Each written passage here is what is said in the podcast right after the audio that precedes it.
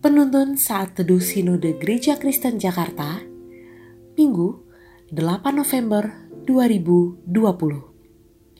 Judul renungan, Jangan dendam, nanti kasih padam. Diambil dari Nat 1 Samuel 24 ayat 11 sampai 12. Ketahuilah, pada hari ini matamu sendiri melihat bahwa Tuhan sekarang menyerahkan engkau ke dalam tanganku dalam gua itu. Ada orang yang telah menyuruh aku membunuh engkau, tetapi aku merasa sayang kepadamu karena pikirku.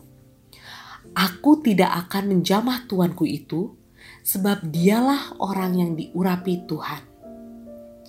Lihatlah dahulu, ayahku. Lihatlah kiranya punca jubahmu dalam tanganku ini Sebab dari kenyataan bahwa aku memotong punca jubahmu dengan tidak membunuh engkau, dapatlah kau ketahui dan kau lihat bahwa tanganku bersih daripada kejahatan dan pengkhianatan, dan bahwa aku tidak berbuat dosa terhadap engkau, walaupun engkau ini mengejar-ngejar aku untuk mencabut nyawaku. Racun dapat dinetralisir dengan adanya obat penawar. Demikian juga halnya dengan racun hati kita, dapat diobati dengan obat penawar. Daud memiliki obat penawar dari racun hati yang dialaminya, sehingga ia terbebas dari racun tersebut. Sikap Saul yang jahat, iri, dan selalu berusaha ingin membunuh Daud Hal itu yang membuat hidup Daud menjadi tidak tenang dan kenyamanan hidupnya terganggu.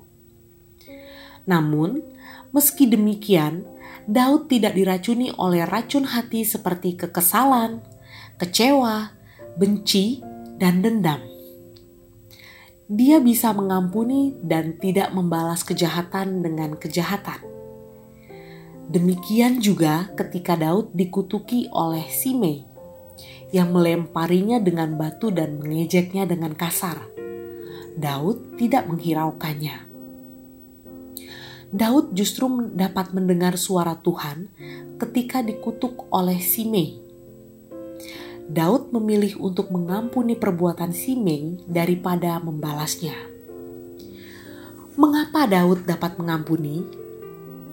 Karena Daud memiliki obat penawar dendam dalam dirinya.